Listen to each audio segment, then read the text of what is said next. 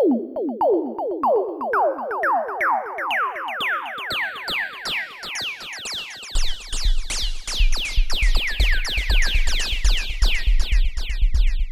wiedzieć to podcast z ciekawostkami z różnych dziedzin. Cześć, ja jestem Monika, a ty słuchasz podcastu Lubię wiedzieć. W dzisiejszym odcinku chciałam Wam opowiedzieć troszeczkę o epidemii, a dokładniej o różnych mechanizmach rządzących epidemią, o różnych mechanizmach, które pozwalają nam przewidywać zachowanie się epidemii, a o inspiracjach do tego odcinka oraz źródłach niektórych cytatów dowiecie się na samym końcu odcinka oraz z notatek do tego odcinka podcastu. Zaczynajmy więc. Zacznę od pewnych założeń. Zakładamy, że w społeczeństwie jedna osoba jest zarażona wirusem. Dodatkowo zakładamy, że każda osoba ma szansę spotkać się ze wszystkimi innymi osobami w społeczeństwie. Dodatkowym założeniem jest to, że kiedy ktoś wyzdrowieje, staje się odporny na kolejne zakażenie. Jedna osoba chora zakaże kilka osób, z którymi się spotkała. Te znowu z kolejnymi się spotykają i zarażają kolejne osoby. I tak właśnie choroba się rozprzestrzenia. Podam Wam ciekawostkę.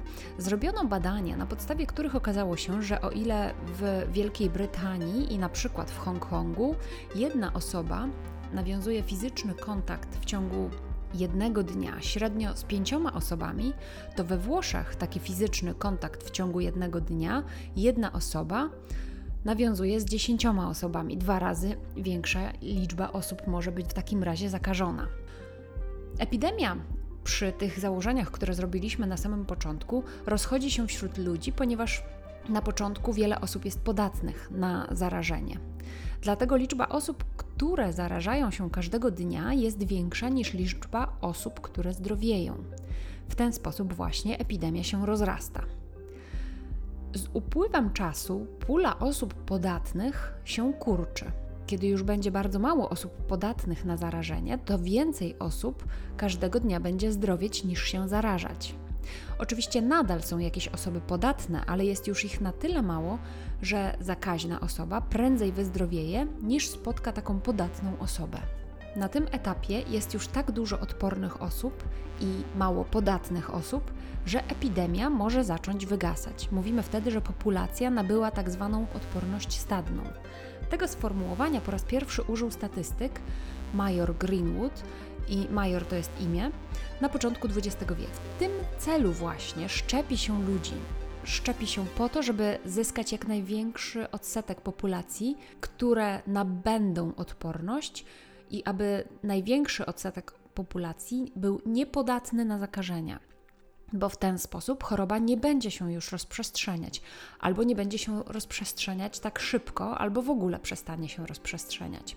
Odporność stadna pozwala osobom zaszczepionym chronić osoby narażone na chorobę, a nie szczepione, ponieważ nie każdy może zostać zaszczepiony, na przykład osoby z obniżoną odpornością nie mogą być szczepione. Jak dużo osób musi zostać zaszczepionych, albo jak inaczej, jak dużo osób musi zyskać odporność, to zależy od choroby i tak zwanego współczynnika reprodukcji choroby. Współczynnik reprodukcji to liczba nowych infekcji, którą średnio spowoduje nowa osoba. Czyli na przykład jeśli taki współczynnik reprodukcji jest mniejszy niż jeden, to jedna osoba zarazi mniej niż jedną osobę, co oznacza, że prawdopodobnie liczba chorych będzie spadać. Jeśli współczynnik reprodukcji jest większy niż jeden, to oznacza, że liczba zakażonych będzie rosła, ponieważ jedna osoba ma szansę zarazić więcej niż jedną osobę nową.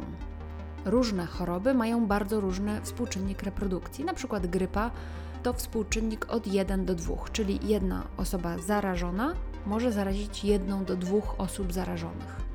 Oczywiście mówimy średnio. Ebola ma bardzo podobny współczynnik reprodukcji, również od 1 do 2.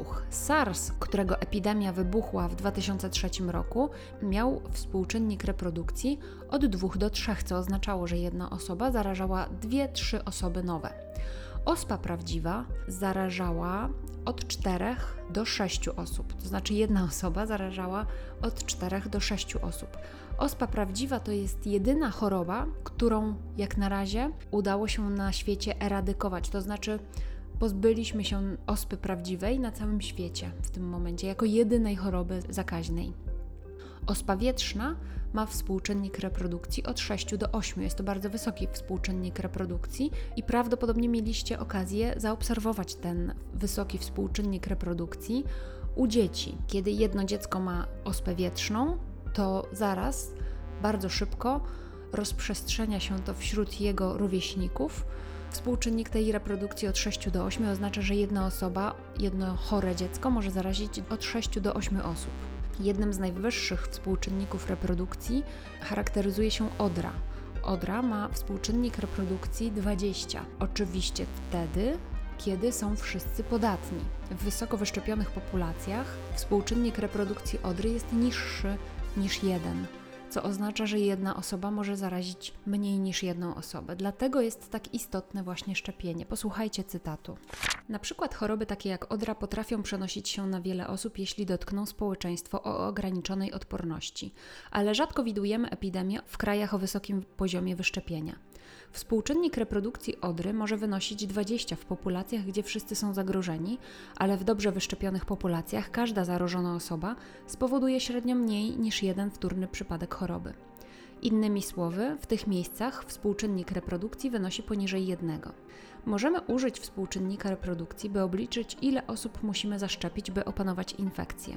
Załóżmy, że dana infekcja ma współczynnik reprodukcji równy 5 w całkowicie podatnej populacji, tak jak ospa prawdziwa, ale potem zaszczepimy 4 na każde 5 osób. Przed szczepieniem spodziewaliśmy się, że typowa zakaźna osoba zarazi pięcioro innych. Jeśli szczepionka będzie miała 100% skuteczności, średnio 4 z tych osób będą teraz odporne. Więc każda zakaźna osoba wygeneruje tylko jedno dodatkowe zachorowanie.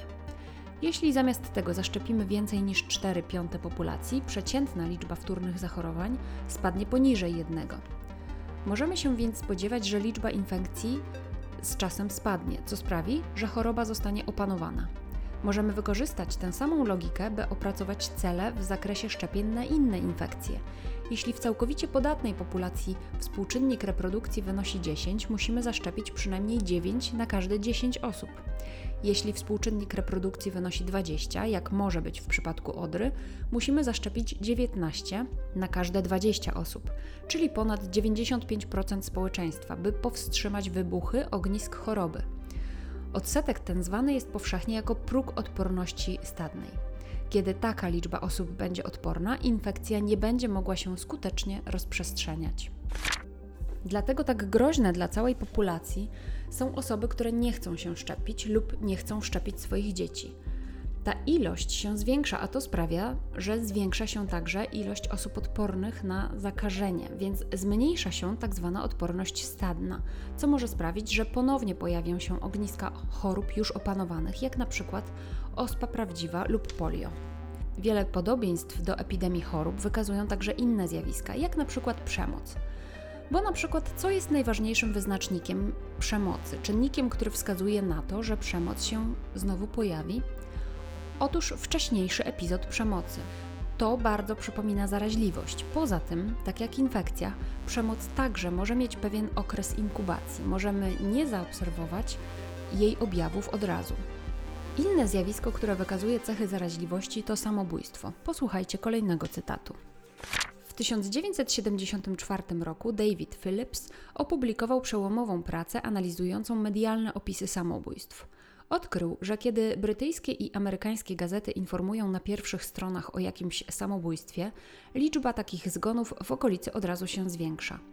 Dalsze badania wykazały podobne wzorce związane ze sprawozdaniami medialnymi, sugerując, że samobójstwo może być zaraźliwe. W odpowiedzi WHO opublikowała wytyczne dotyczące odpowiedzialnego informowania o samobójstwach. Przedstawiciele mediów powinni podawać informacje o tym, gdzie szukać pomocy, unikając jednocześnie sensacyjnych nagłówków, szczegółów użytych metod i sugestii, że samobójstwo było rozwiązaniem jakiegoś problemu. Niekiedy media często ignorują te wytyczne. Naukowcy z Uniwersytetu Kolumbijskiego odnotowali 10% wzrost liczby samobójstw w miesiącach po śmierci komika Robina Williamsa. Zwracali uwagę na potencjalny efekt zaraźliwości, biorąc pod uwagę, że wiele sprawozdań medialnych na temat śmierci Williamsa nie przestrzegało wytycznych WHO, a największy wzrost liczby samobójstw dotyczył mężczyzn w średnim wieku stosujących tę samą metodę co Williams. Podobny efekt może dotyczyć masowych strzelanin. W pewnym badaniu oszacowano, że na każde 10 masowych strzelanin w USA do dwóch dodatkowych dochodzi wskutek zaraźliwości społecznej. Podobieństwa do chorób można także znaleźć w rozprzestrzenianiu się wirusów komputerowych, filmów wiralowych, ale także idei, różnego rodzaju pomysłów czy też innowacji.